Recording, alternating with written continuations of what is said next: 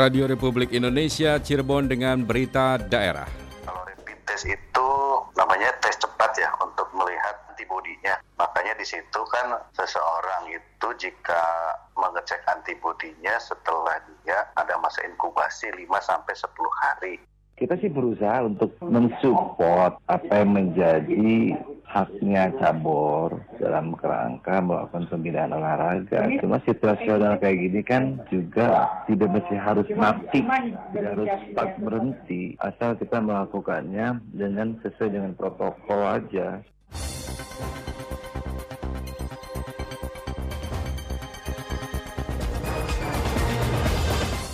Sari berita, rapid test dilakukan untuk pemetaan secara epidemiologi dan kewaspadaan dini terhadap penyakit atau berupa screening seseorang.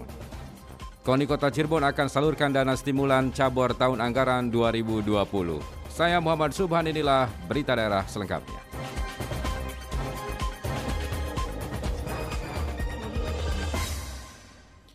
Rapid test dilakukan untuk pemetaan secara epidemiologi dan kewaspadaan dini terhadap penyakit atau berupa screening seseorang. Informasi disampaikan Rian Kristono.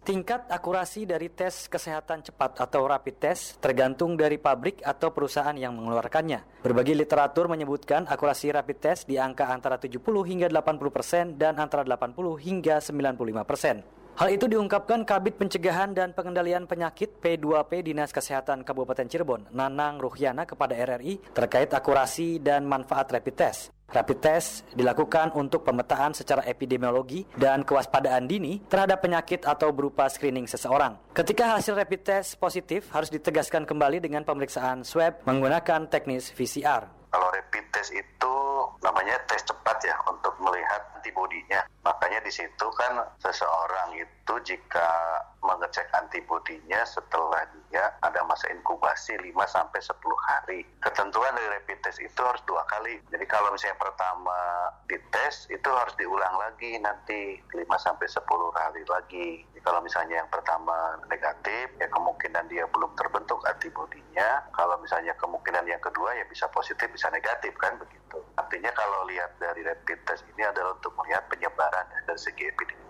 dan merupakan deteksi dini. Nah, untuk penegasan diagnosa bahwa dia positif COVID atau enggak tetap harus dengan melakukan PCR. Nah, kalau PCR ini yang dites adalah ada tidaknya virus. Selain waktunya yang lama juga mungkin biayanya.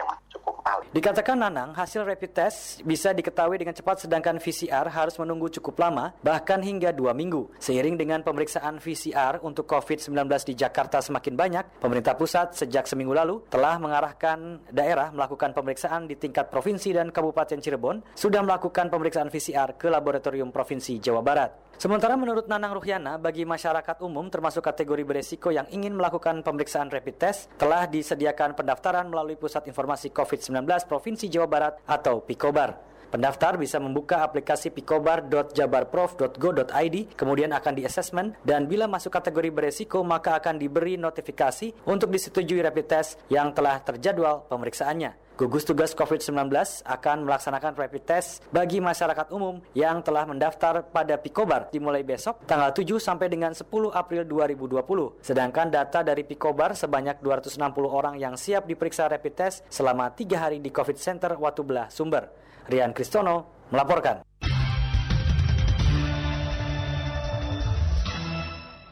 Dan bagaimana komentar masyarakat mengenai akurasi dan juga manfaat dari rapid test ini? Kita akan dengarkan bersama. Ya kalau menurut saya tentang rapid test pastinya punya kelebihan soal waktu, tapi punya kelemahan soal keakuratan dibanding dengan pola PCR yang memang butuh waktu yang cukup lama yang digunakan selama ini di Indonesia, tapi tentunya lebih akurat. Dan rapid test ini memang butuh protokol khusus yang mestinya dibuat oleh pemerintah melalui Kemenkes untuk bisa memandu penggunaan dan juga manfaat rapid test secara proporsional sehingga memang butuh edukasi yang lebih masif oleh pemerintah ke masyarakat masyarakat luas tentunya secara cepat sehingga aspek positif rapid test ini bisa dimaksimalkan oleh pemerintah Indonesia. Jadi menurut saya kalau rapid test yang ada di Indonesia itu ya bagus sih. Jadi kita bisa mengetahui apakah kita memang terkena corona atau tidak gitu. Cuman ya apakah tes ini akan diterapkan untuk seluruh masyarakat Indonesia ataukah hanya masyarakat tertentu saja yang memang wilayahnya itu masuk dalam zona merah gitu. Tapi kalau lebih untuk lebih efektif mah untuk rapid test ini ya kalau menurut saya enaknya menyeluruh gitu. Jadi kita bisa tahu apakah kita terkena atau tidak. Jadi tidak hanya masyarakat yang ada di zona merah saja. Gitu pula ini kan demi memberikan rasa aman dan tidak panik gitu. Jadi begitu hasil tesnya keluar, misal kita negatif, oh pada kita merasa aman, udah aman gitu kan. Sebagai warga masyarakat, untuk perihal tes rapid corona, mungkin harapannya agar segera dilaksanakan dan untuk uh, pemerintah juga lebih cepat lagi dikarenakan jika kita sudah tahu positif ataupun tidaknya untuk yang positif masyarakat mungkin bisa untuk langsung memisahkan diri agar tidak terjadi penyebaran yang lebih meluas lagi. Dan untuk yang sudah positif juga untuk penanganan akan lebih cepat. Daripada kita tidak tahu positif ataupun tidak kita diam-diam saja tiba-tiba tidak ada gejala tapi positif. Itu yang sangat dikhawatirkan Ya, jadi harapannya supaya cepat dilaksanakan masalah tes atau rapid corona ini dan untuk yang negatif agar lebih berhati-hati dan selalu menjaga diri, selalu hidup sehat dan waspada.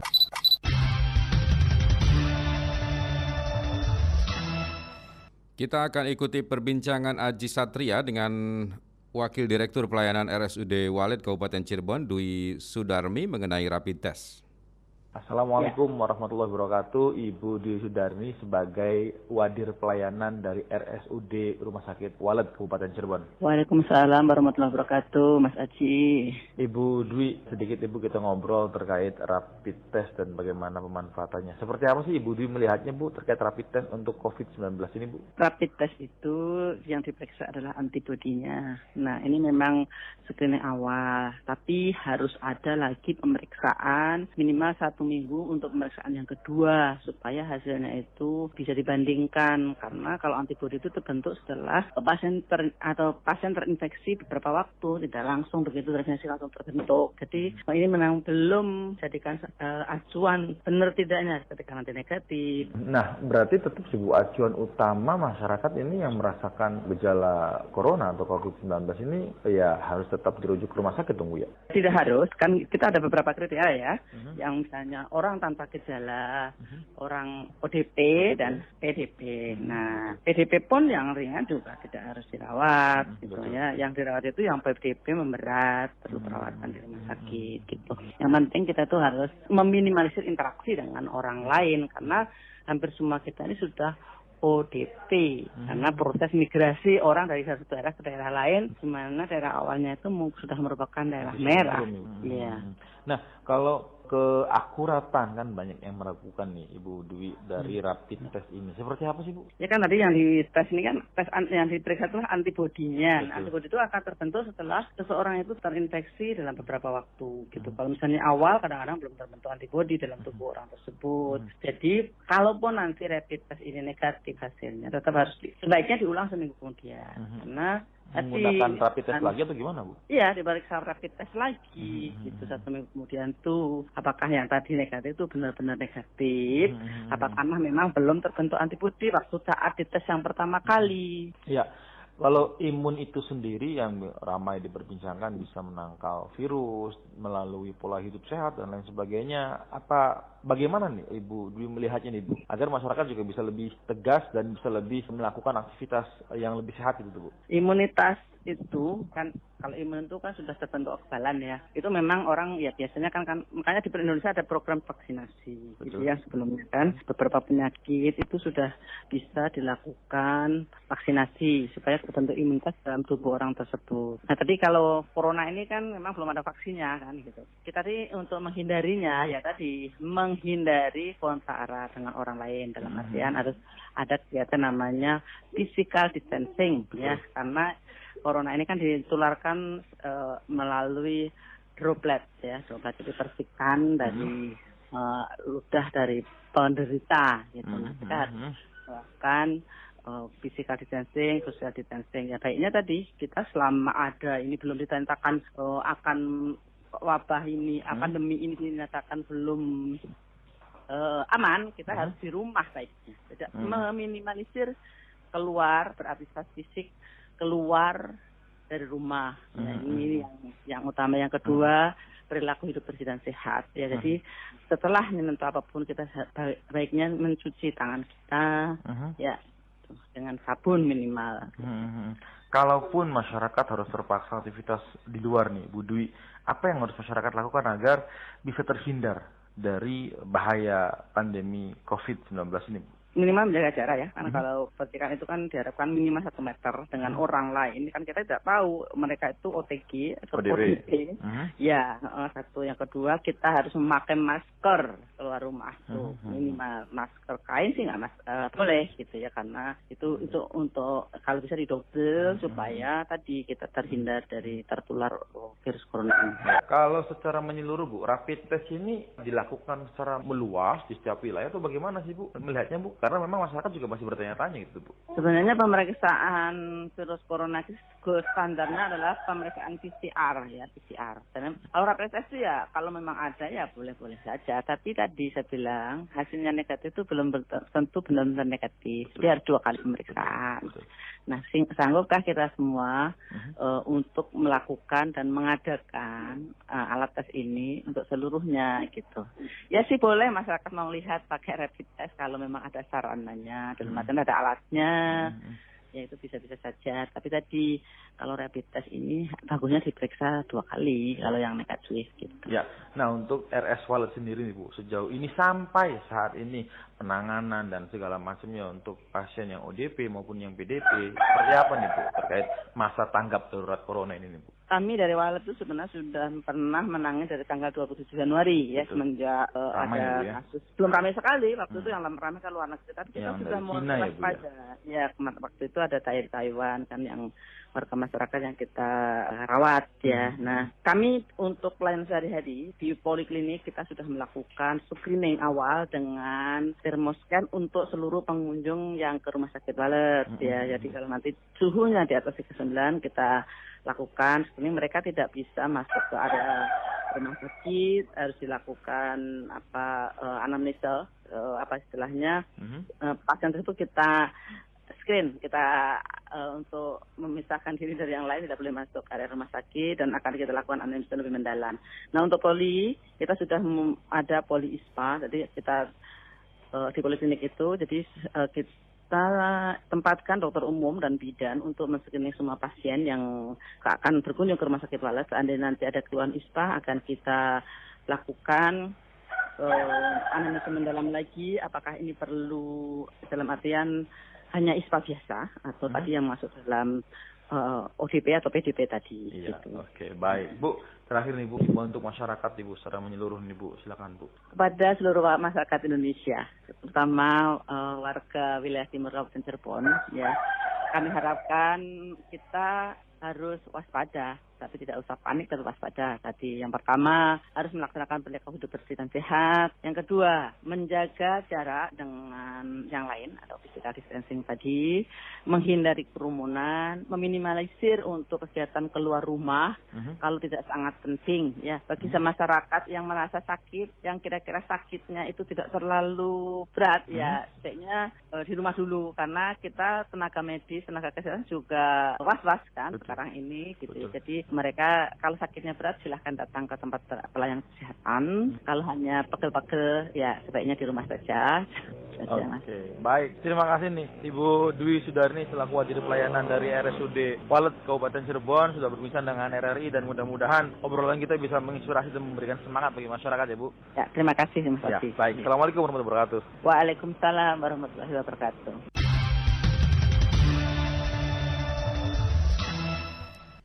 Gugus Tugas COVID-19 Kabupaten Cirebon terus mengupdate perkembangan informasi data dari virus corona. Wakil Sekretaris Harian Gugus Tugas COVID-19 Kabupaten Cirebon yang juga sebagai Kabit P2P Dinas Kesehatan Nanang Ruhiana mengungkapkan data soal pasien dalam pengawasan PDP sebanyak 29 orang terdiri dari pasien yang masih dirawat sebanyak 10 orang, telah sembuh dan pulang 18 orang dan meninggal atau orang di salah satu rumah sakit. Untuk total orang dalam pemantauan ODP sebanyak 128 orang meliputi 43 orang masih pemantauan dan telah selesai pemantauan sebanyak 85 orang. Sedangkan yang positif COVID-19 masih berjumlah dua orang. Sementara orang dengan resiko atau ODR merupakan orang yang berasal dari daerah terjangkit atau epicentrum dan sudah mempunyai penularan secara lokal. Data ODR yang tercatat di gugus tugas COVID-19 sebanyak 7.010 3 orang atau naik dari data seminggu lalu hanya 3.500 orang. Jadi ada 7.103 ya. Jadi data ini kita tampung yang awalnya cuma 3.500 waktu awal minggu sampai tadi malam itu jam 11 kita dapat total 7.103 dari puskesmas. Puskesmas kan asalnya dari para pun juga yang melaporkan ke puskesmas. Hingga nanti puskesmas akan melakukan pemantauan selama 14 hari ya. Masyarakat juga melakukan pemantauan berpartisipasi juga itu. Alhamdulillah sudah bergerak sesuai dengan instruksi dari Pak Bupati. Jadi desa harus melaporkan warga masyarakat yang datang ke puskesmas untuk dilakukan pemantauan. Nah untuk yang datang juga yang terlanjur sudah mudik dihimbau untuk mengisolasi diri secara mandiri di rumahnya masing-masing. Danang Ruhiana menambahkan bila melihat data penyebaran orang dalam resiko ODR tidak merata karena dari hasil pemetaan tertinggi atau angkanya di atas 300 orang berada di Kecamatan Duku Puntang, Beber, Greget, dan Walet. Sedangkan terendah kurang dari 50 orang antara lain berada di Kecamatan Kapetakan, Penguragan, Kaliwedi, Bundu, Sumber, Depok, Jamlang, Ciwaringin, Pangenan, Gebang, serta Kecamatan Pasaleman. Pemerintah desa menggunakan dana talangan untuk upaya pencegahan virus corona. Laporan Alex Sunardi. Dalam upaya mencegah penyebaran virus corona, pemerintah di tingkat desa melakukan berbagai antisipasi di antaranya membuat posko pemantauan maupun membentuk tim Satgas Pencegahan Virus Corona. Namun sayangnya, pemerintahan di tingkat desa terkendala dengan penganggaran karena dana desa yang diandalkan untuk pembangunan hingga kini belum cair. Pemerintahan di tingkat desa pun harus memutar otak untuk menyikapi hal tersebut. Bahkan beberapa di antaranya terpaksa harus menggunakan dana talangan dari pihak ketiga seperti halnya di desa Ciledug Tengah. Sekretaris Desa Ciledug Tengah Muhammad Soleh kepada RRI mengatakan untuk desa-desa yang ada di Kecamatan Ciledug sudah ada MOU dengan salah satu lembaga perbankan dalam upaya pencegahan virus corona. Kebetulan untuk desa anggaran itu kan belum cair, artinya masih on proses. Tetapi ini hasil dengan kesepakatan di bawah koordinator Camat Ciledug, kita pakai dana talangan, nyari mitra yang siap mendanai untuk pencegahan wabah ini. Sudah kita dapat MOU dengan Bank BPR Babakan sebagai mitra desa dan kecamatan bersedia untuk membiayai talangan ini untuk memulai gerakan pencegahan COVID. Karena kalau desa menunggu anggaran yang dari pemerintah yang biasanya rata-rata itu ada di pertengahan April, kita tidak bisa bergerak lebih awal. Muhammad Soleh menambahkan berbagai upaya telah dilakukan oleh pemerintah Desa Ciledug Tengah dalam mencegah penyebaran virus corona di antaranya dengan melakukan penyemprotan disinfektan ke semua area yang ada di desanya, termasuk juga memberikan edukasi dan himbauan kepada masyarakat agar selalu waspada terhadap virus corona. Dalam mengantisipasi kepulangan para perantau ke kampung, Pemdes Ciledug Tengah sudah membentuk Satgas Relawan Pencegahan Virus Corona yang salah satu tugasnya mendata warga yang baru pulang kampung, di mana hingga akhir bulan Maret terdata ada 28 orang yang pulang kampung dan diprediksi akan terus bertambah. Alex Sunardi melaporkan.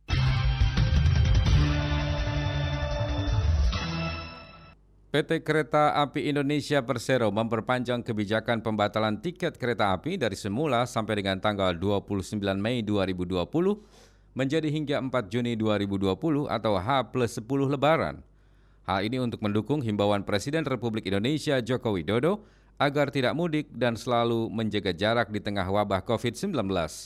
Manajer Humas PT KAI Daops 3 Cirebon Lukman Arif mengatakan, Penumpang dapat membatalkan tiket masa angkutan lebaran 2020 melalui aplikasi KAI Access atau di loket stasiun kereta api.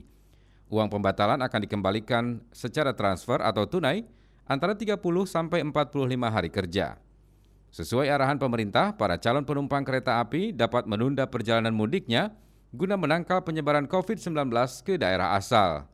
Jika tetap melakukan perjalanan mudik, penumpang harus mengikuti protokol pencegahan seperti tempat duduk antar penumpang harus berjarak, termasuk penumpang satu keluarga juga harus terpisah satu sama lain. PT KAI hanya menjual 50% dari kapasitas tempat duduk agar tercipta physical distancing antar penumpang di dalam kereta api. Di wilayah PT KAI Daops 3 Cirebon sudah ada pembatalan tiket 15.000 lebih penumpang untuk pemberangkatan mulai 1 Maret sampai dengan 90 hari ke depan. Volume penumpang selama 18 hari terakhir terjadi penurunan 49 persen.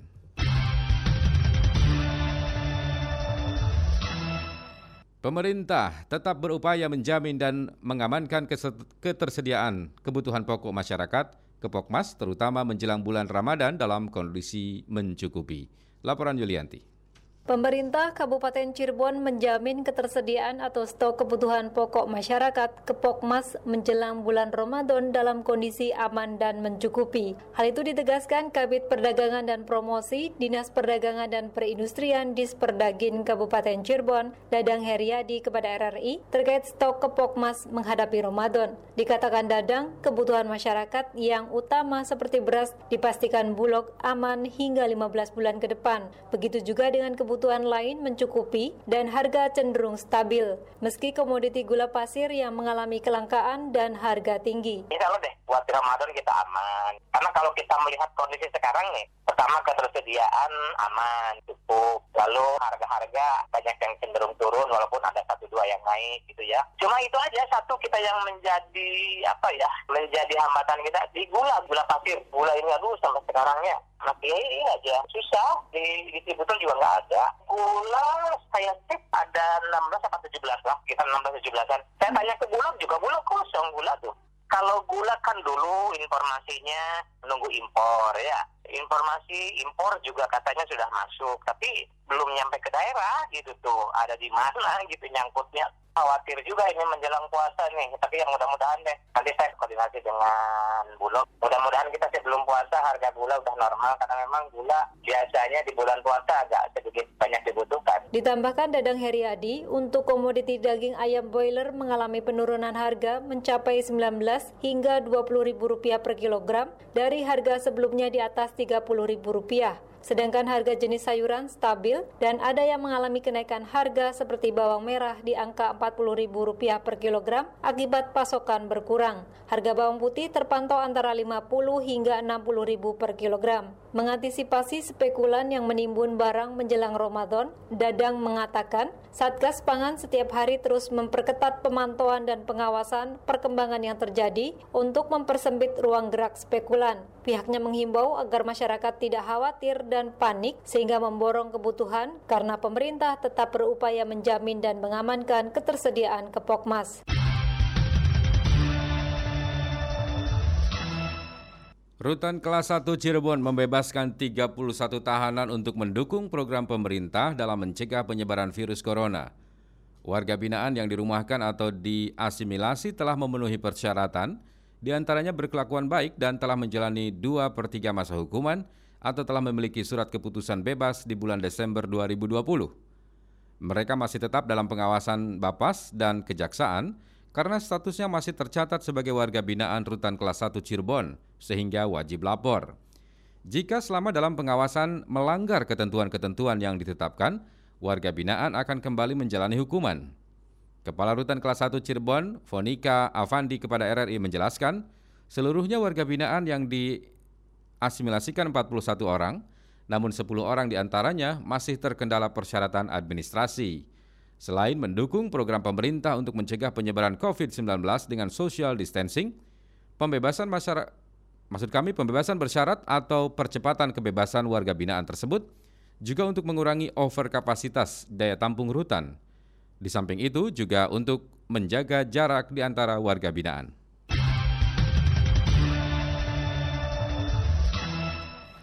Pemerintah Kabupaten Cirebon mengeluarkan surat edaran pembatasan jam operasional toko modern yang berlaku mulai tanggal 6 April hingga 6 Mei 2020 mendatang.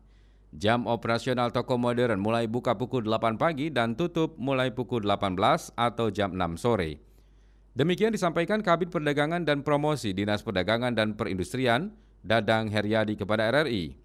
Dikatakannya langkah tersebut untuk mendukung anjuran pemerintah pusat berupa isolasi diri dan sebagai alternatif yang bisa dilakukan masyarakat dengan cara belanja online kita ingin jangan sampai orang malam masih pada keluar, masih belanja dan sebagainya ya. Hmm. Dalam rangka inilah social distancing ini ya biar pada di rumah. Antisipasinya agar mereka melaksanakan istilahnya belanja online, membuka belanja online. Dan semua toko modern di Kabupaten Cirebon mereka sudah membuka belanja online minimal 100 ribu itu ada yang melalui transfer atau nanti bayar di rumah diantarkan ke rumah sehingga nanti masyarakat ya tidak usah belanja keluar lah tidak usah keluar rumah hmm. kita melaksanakan perintah presiden ya untuk banyak tinggal di rumah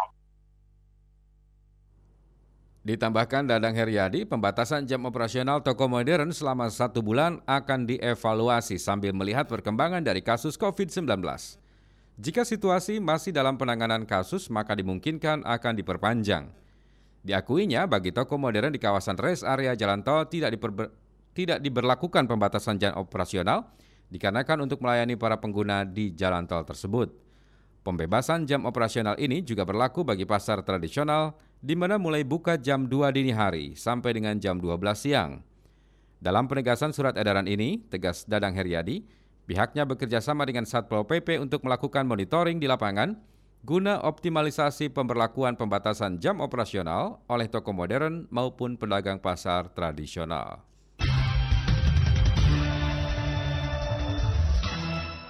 Kami sampaikan berita olahraga. Berita olahraga. Berita olahraga. KONI Kota Cirebon akan salurkan dana stimulan cabur tahun anggaran 2020 bagi cabang olahraga yang sudah memenuhi persyaratan. Laporan disampaikan Aji Satria. Setelah melakukan kajian yang panjang dan berkonsultasi dengan berbagai pihak, akhirnya KONI Kota Cirebon akan membagikan dana stimulan bagi cabang olahraga tahun anggaran 2020. Kepada RRI, pengurus KONI Kota Cirebon bidang organisasi Dudi Juharno mengatakan pembagian dana stimulan bagi cabang olahraga tahun anggaran 2020 ini bagi yang sudah memenuhi seluruh persyaratan 12 cabang olahraga dan akan diberikan satu persatu, tidak secara berkerumun, sesuai dengan prosedur saat saat ini dalam masa tanggap darurat COVID-19 Dudi berharap dana stimulan tersebut bisa digunakan dengan sebaik mungkin oleh cabang olahraga sesuai dengan peruntukannya dalam membina atlet untuk meraih prestasi. Kita sih berusaha untuk mensupport dalam kerangka melakukan pembinaan olahraga. Cuma situasional kayak gini kan juga tidak mesti harus mati,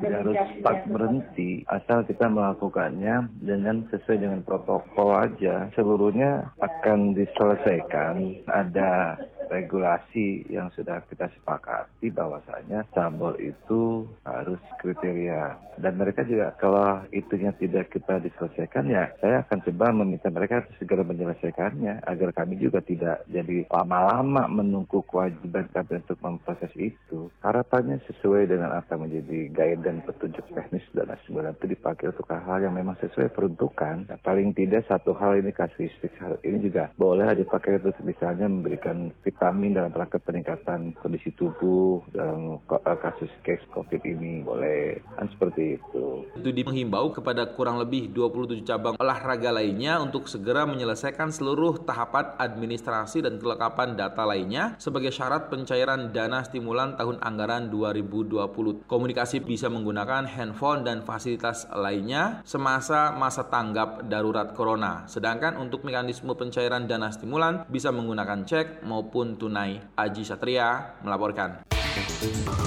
Berita olahraga. Pro 1, Kanal Inspirasi. Berita terakhir, Pekan Olahraga Pelajar Daerah Popda Jawa Barat 2020 yang menurut jadwal akan dilaksanakan pada bulan Agustus mendatang ditunda dan akan dijadwal ulang pada tahun 2021. Kepastian penundaan tersebut setelah Dinas Pemuda dan Olahraga Jawa Barat mengirimkan surat pemberitahuan melalui media daring ke seluruh daerah di Jawa Barat. Alasan ditundanya pelaksanaan Popda Jawa Barat 2020 karena Dispora Jawa Barat tidak mau mengambil resiko di tengah wabah virus corona. Apalagi persiapan di masing-masing daerah tidak maksimal karena sudah menghentikan latihan sejak pertengahan Maret lalu. Pengamat olahraga Cirebon, Adi Jaya Prasetyo sangat mendukung keputusan Dispora Jawa Barat atas penundaan pelaksanaan Popda tersebut. Dalam situasi yang terjadi saat ini, sangat riskan jika tetap melaksanakan event olahraga. Terlebih event olahraga dunia pun banyak yang ditunda seperti Olimpiade Tokyo.